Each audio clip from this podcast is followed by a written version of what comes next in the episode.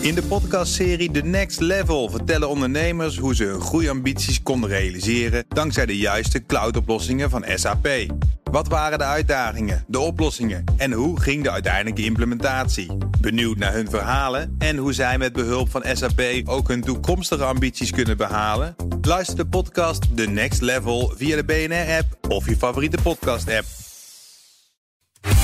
Tech Update. Over werkende winkel gesproken. Zo, Joe van Buurik, goedemorgen. Bas van Werven en Meinders. Ja. Wat een combinatie. Ja, fijn hè? Nou, leuk. Het is, het Ja, is alsof mooi. jij hier met Elon Musk aan tafel zou zitten. Nou, dat zou ik nog niet willen zeggen. We komen nog op. Oké, echt? Ja, Oh, we hebben Musk nieuws. ja hoor. We beginnen met een belastingnaheffing voor de firma Apple. Met een bedrag van bijna 8 nullen. Dat is best veel. Dat is best veel. Nou, voor Apple niet heel veel, maar toch bijna 100 miljoen dollar. 98 miljoen om precies te zijn. En dit gebeurt in Japan. En nee, ik heb gecheckt, Bas, dit gaat niet om bedrag in yen. Het is echt in dollar. Het is echt een dollar, want in yen zou het vele malen minder ongunstig zijn. Maar dit gaat om achtergehouden belasting over de verkoop van, eh, belasting, van belastingvrijgestelde toestellen aan toeristen, meldt de Japanse zaakkrant Nikkei. In Japan is, dat zo dat, is het namelijk zo dat bezoekers die daar minder dan zes maanden verblijven belastingvrij kunnen shoppen. Maar dat geldt niet voor artikelen die in bulk gekocht worden. En nou, dan kun je denken, ik ga naar de Apple Store om een nieuwe iPhone te halen. Ik koop er belastingvrij. 500. Ja, er was dus een persoon die letterlijk bij een transactie 100 smartphones Nee. afrekende, rekende in de Apple je hebt een hele Store. grote familie. Dat, mm, ja, ik weet niet of dat geloofwaardig is, maar goed, daar lijkt geen sprake van persoonlijk gebruik. Dus mag die eh, belastingvrij winkelen eh, eh, daar ook niet op toepassen. In juni van dit jaar is Apple trouwens daarmee al gestopt, want dit ging blijkbaar vaker mis. En er is netjes een formulier ingevuld voor deze belastingnaheffing. 98 miljoen dollar. Ja, ik heb het niet liggen, maar Apple wel. Maar ik denk dat de Japanse visser ook heeft gedaan. Weet je wat wij doen? Mm. Extra sushi vandaag. Zoiets. We gaan met Appel. Dan Ja. naar Twitter, want notabene tijdens de kerst... dacht men daar niet aan mensen met mentale problemen. Wat is het toch een prachtig platform. Dat zou ik ook zeggen. Maar ik zou het zeker zeggen omdat mogelijkheden die moeten helpen bij zelfmoordpreventie even uitgeschakeld werden afgelopen donderdag. Zoals eh, berichten welke hulplijn je kan bellen als je problemen hebt en hulp zoekt. Eh, die worden getoond als je een tweet hebt gezien die te maken heeft gehad met zelf, zelfmoordpreventie of andere problemen onder de vaak genoemde hashtag There is help. Maar die fu- functie werd opeens op donderdag dus weggehaald. Dat zou een wens van Elon Musk zelf zijn geweest, berichten Reuters. Waarom precies is dan weer niet duidelijk, want hij heeft het natuurlijk weer eens niet onderbouwd. Maar hij zei wel in een tweet: dat is helemaal niet waar, de functie werkt gewoon. Terwijl letterlijk vlak daarvoor zijn hoofd vertrouwen en veiligheid, Ella Irwin, had bevestigd dat die functie verwijderd was. Dus er werd lekker tegengesproken bij Twitter. Eh, zij zei erbij dat het wel om een tijdelijke ingreep ging, wegens onderhoud. Maar ook dat is een vreemde en zorgwekkende gang van zaken, zei de oud-betrokkenen. Er was namelijk een adviesgroep voor wat goede en slechte Twitter-content Maar die was. bestaat niet meer. Die bestaat niet meer. Die is ontbonden een tijdje geleden. Het regende klachten tijdens de kerstdagen van gebruikers- en consumentenorganisaties. dat deze functie er niet meer was. Nu is die er wel weer. En het is echt belangrijk, Bas, want een onderzoeker bij het Network Contagions Research Institute, Alex Goldenberg, die stuitte hierop, meldt Reuters.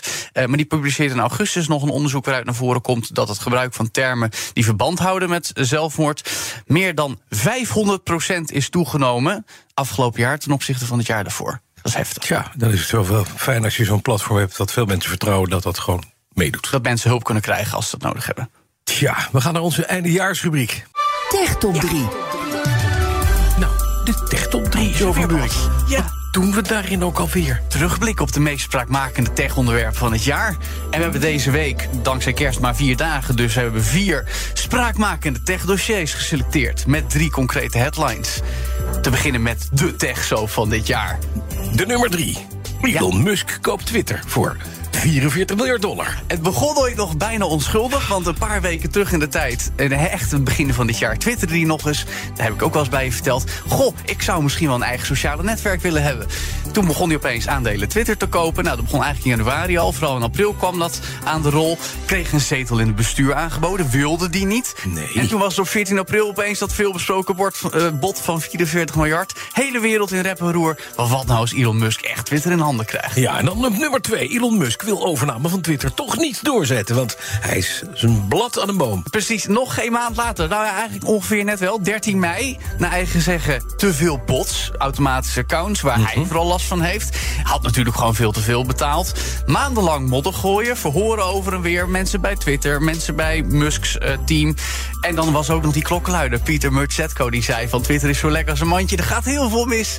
En dat leek allemaal met elkaar samen te hangen. Want Elon Musk wilde toch geen Twitter kopen. Nee, en op de nummer 1 dan ook. Hij wilde het niet kopen, maar hij deed het toch wel. Elon Musk voltooid de overname van Twitter. Op 28 oktober was het dan toch officieel, mede onder druk van de rechter. De rechtszaak die er niet echt kwam. Maar hij had ook geen zin om hem te voeren, leek het. Kwam met een gootsteen binnen. Let that sink in. Slechtste woordgrap van het jaar, die kan ook op één trouwens. Maakte wel gelijk schoon schip, want gooide een paar weken later... twee derde van het personeel eruit. Blijf maar doorrommelen met systemen. En Bas, ik voorspel ook vast, dat gaat nog even door. Want ondanks dat hij vorige week zei... er komt een nieuwe CEO als ik eenmaal heb, iemand heb gevonden die zo gek idioot is... Dat gaat nog heel lang duren, denk ik. We kunnen nog op 0-1 niet zeggen. Het snelst geld verbranden. Behalve een eigen ruimtevaartorganisatie hebben, een rakketten lanceren. Want dat is heel erg snel verbranden. Hmm. Ja, maar dan heb je ook is Twitter overheidssubsidie. kopen. Ja, dat is waar. Is Twitter kopen en daarna compleet kapot maken. Ja. En dat in een paar weken tijd. Best knap. Nou hè, Wat een kerstgedachte. nou, wat een jaar. Jo van Buren. De BNR Tech Update wordt mede mogelijk gemaakt door Lenklen. Lenklen. Betrokken expertise, gedreven resultaat. In de podcastserie The Next Level vertellen ondernemers hoe ze hun groeiambities konden realiseren dankzij de juiste cloudoplossingen van SAP.